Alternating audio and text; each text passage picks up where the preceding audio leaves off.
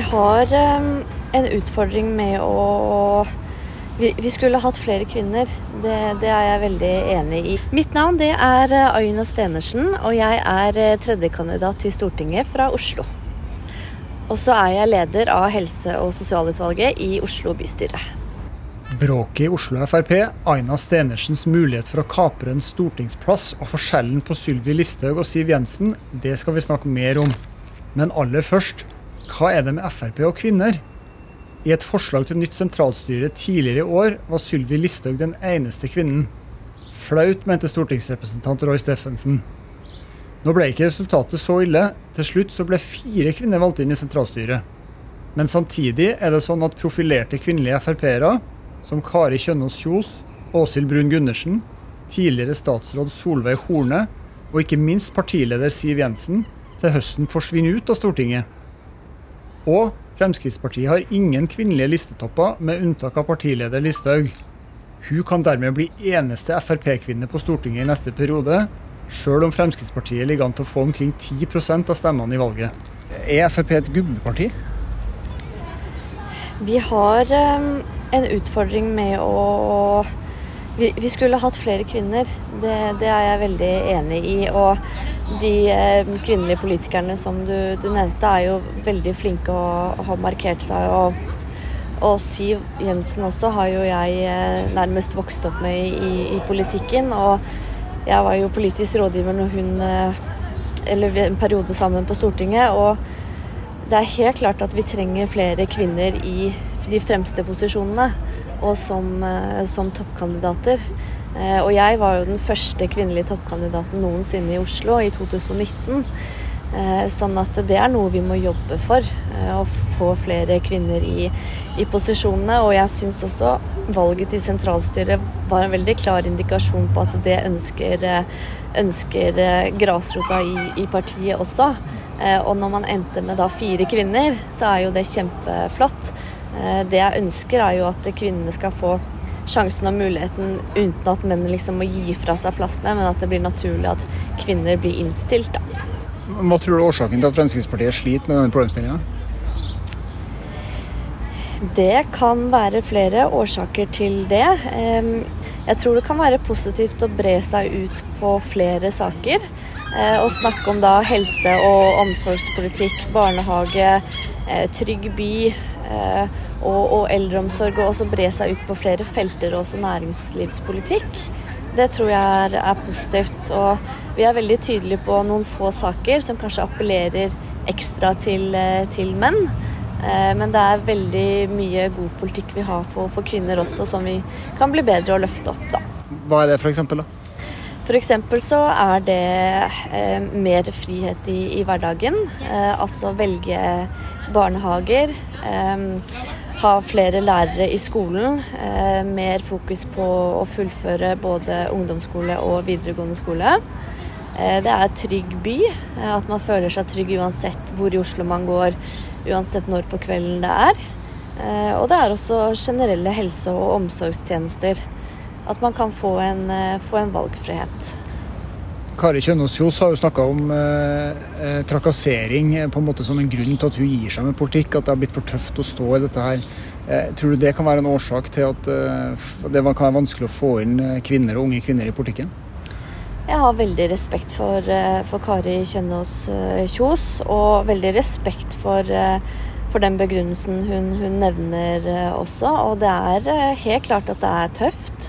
Og det er tøft debattklima. og og man må jobbe litt ekstra for å, for å få en plass.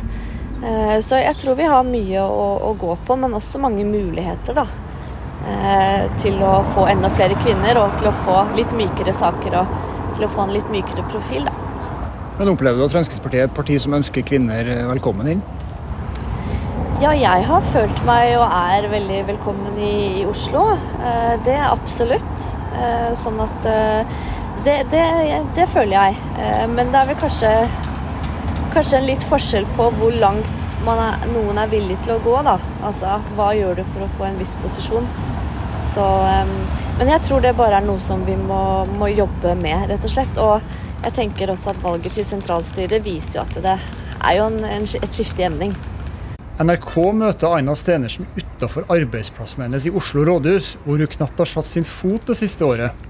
Pandemien har sendt også lokalpolitikerne til hjemmekontoret.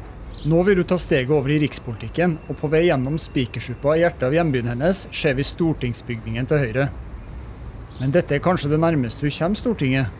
For etter en dramatisk vinter i Oslo Frp endte Stenersen bare på tredjeplass på Frp-lista. Dermed må det et lite mirakel til for at hun skal kunne kapre en stortingsplass i valget til høsten. Men tro nå heller ikke at hun spaserte inn til tredjeplassen. For å kapre den ble selveste partihøvdingen nedkjempa, med 32 mot 26 stemmer i kampvotering. Så valgte du selv å utfordre Carl I. Hagen om eh, tredjeplassen på lista. Eh, hvorfor gjorde du det? Jeg trakk meg jo fra stortingsplassen eh, forrige gang og ga den fra meg til, til Carl I. Hagen. Og han har jo førsteplass i Oppland, og det er jo veldig bra. Så, så jeg tenker at det var, det var fint å stå på den plassen nå. Jeg var innstilt av nominasjonskomiteen i, i flere omganger. Og å få den tilliten er jeg veldig takknemlig for. Men Hvordan klarte du egentlig å sette Hagen på plass? Ja, Nå vil ikke jeg bruke de ordene at jeg satte ham på plass, da. det vil jeg ikke. Men jeg er i hvert fall veldig glad for å, å få tillit eh, i partiet. Og veldig glad i partiet mitt og født og oppvokst i Oslo og, og elsker politikk. Og da er det veldig hyggelig å kunne få muligheten til å, å jobbe med det i et så synlig fora som, som stortingsvalget er, da. Men du slo jo Carl I. Hagen da med 32 mot 26 stemmer, så vidt jeg skjønte, i den kampvoteringa. Hva sier det om eh, Oslo Frp, det, da? Jeg tenker at den eh, nominasjonsprosessen er vi ferdig med. Og så vet jeg at alle våre er veldig gira på, på valgkamp. Eh, og, og, kunne løfte fram gode Frp-saker og, og, fortsatt ha en borgerlig regjering, da. Vi støtter jo ikke en regjering vi ikke er en del av, det sier vi jo på inn- og utpust, da. men, men det er liksom der fokuset ligger, så, så partiet er, er, er over det og ser framover og jobber med politiske saker. Også i Stenersens lokallag Oslo Frp har påstandene om gubbeveldet sittet løst. Men kjønnsbalansen har ikke vært det eneste problemet i lokallaget. Rett før jul ble fylkesleder Geir Ugland Jacobsen ekskludert fra partiet fordi han ifølge partiledelsen hadde skada FrPs omdømme. Oslo Frp ble deretter satt under administrasjon. Dramatikken var imidlertid ikke over. For da et nytt lokallag var i ferd med å bli etablert i vinter, varsla plutselig Siv Jensen som hadde leda Frp siden 2006 og dessuten toppa Oslo-lista, at hun ville droppe gjenvalg og gi seg som partileder. Dermed måtte lista settes sammen på nytt, og det ble mer uro. Nå topper Christian Tybring-Gjedde lista, men inn fra vest kom Jon Engen Helgheim og ble innstilt til andreplass. Dermed ble Aina Stenersen henvist til å kjempe om tredjeplassen. Kan du si litt om hvordan du har opplevd hele dette siste halvåret i Oslo Frp? Det var jo en uh, situasjon som uh, ingen ønsket å være i. Uh, men det var veldig fint at ledelsen tok tak når, når de tok tak. og jeg har bare positive ting å si om interimstyret. og det var en lærerik prosess. Og så prøver vi å se framover nå og, og bygge opp en god grunnmur som vi kan ha å bygge på, og bygge også opp unge og nye og flere profiler. Eh, og så ser vi også at flere har kommet tilbake etter den prosessen. Sånn at vi har eh, lokallag i, eh, i, alle bydeler. Eh, og har veldig mange engasjerte folk som har lyst til å ha politikk på, på dagsorden. Og, og, snakke om da skatter og avgifter og arbeidsliv og, og helse. Og, og, ikke så mye om det som er internt, da. Men hvordan syns du partiledelsen håndterte den situasjonen rundt Geir Ulland Jacobsen? Jeg syns de håndterte den bra. Det var eh, en, eh, en, en, situasjon som de var nødt til å ta tak i, og hadde varslet at de skulle ta tak i. sånn at det var ikke noe overraskelse for, for flere. flere. og så må man bare se, se, videre, fordi man har jo utfordringer i, i alle partier. Og så må man bare prøve å, å, holde fokus på det politiske, og det er derfor vi er, er engasjerte. Vi ønsker å forandre verden, da. Opplever du at det er greit å kalle seg nasjonalkonservativ nå i Frp? Jeg forholder meg til, eh, til partiprogrammet og eh, setter ikke noen merkelapper på verken meg selv eller eh, andre. Og, og, det er jeg veldig opptatt av. Og, og det jeg er opptatt av nå, er, er stortingsvalget og, og, veien videre. Vi, vi, skal jo ta over Oslo i 2023 òg, så vi har langsiktig jobb å gjøre. Men Fremskrittspartiet sliter med å skape entusiasme for tida. Sjøl legger partiet mye av skylda for det på pandemien.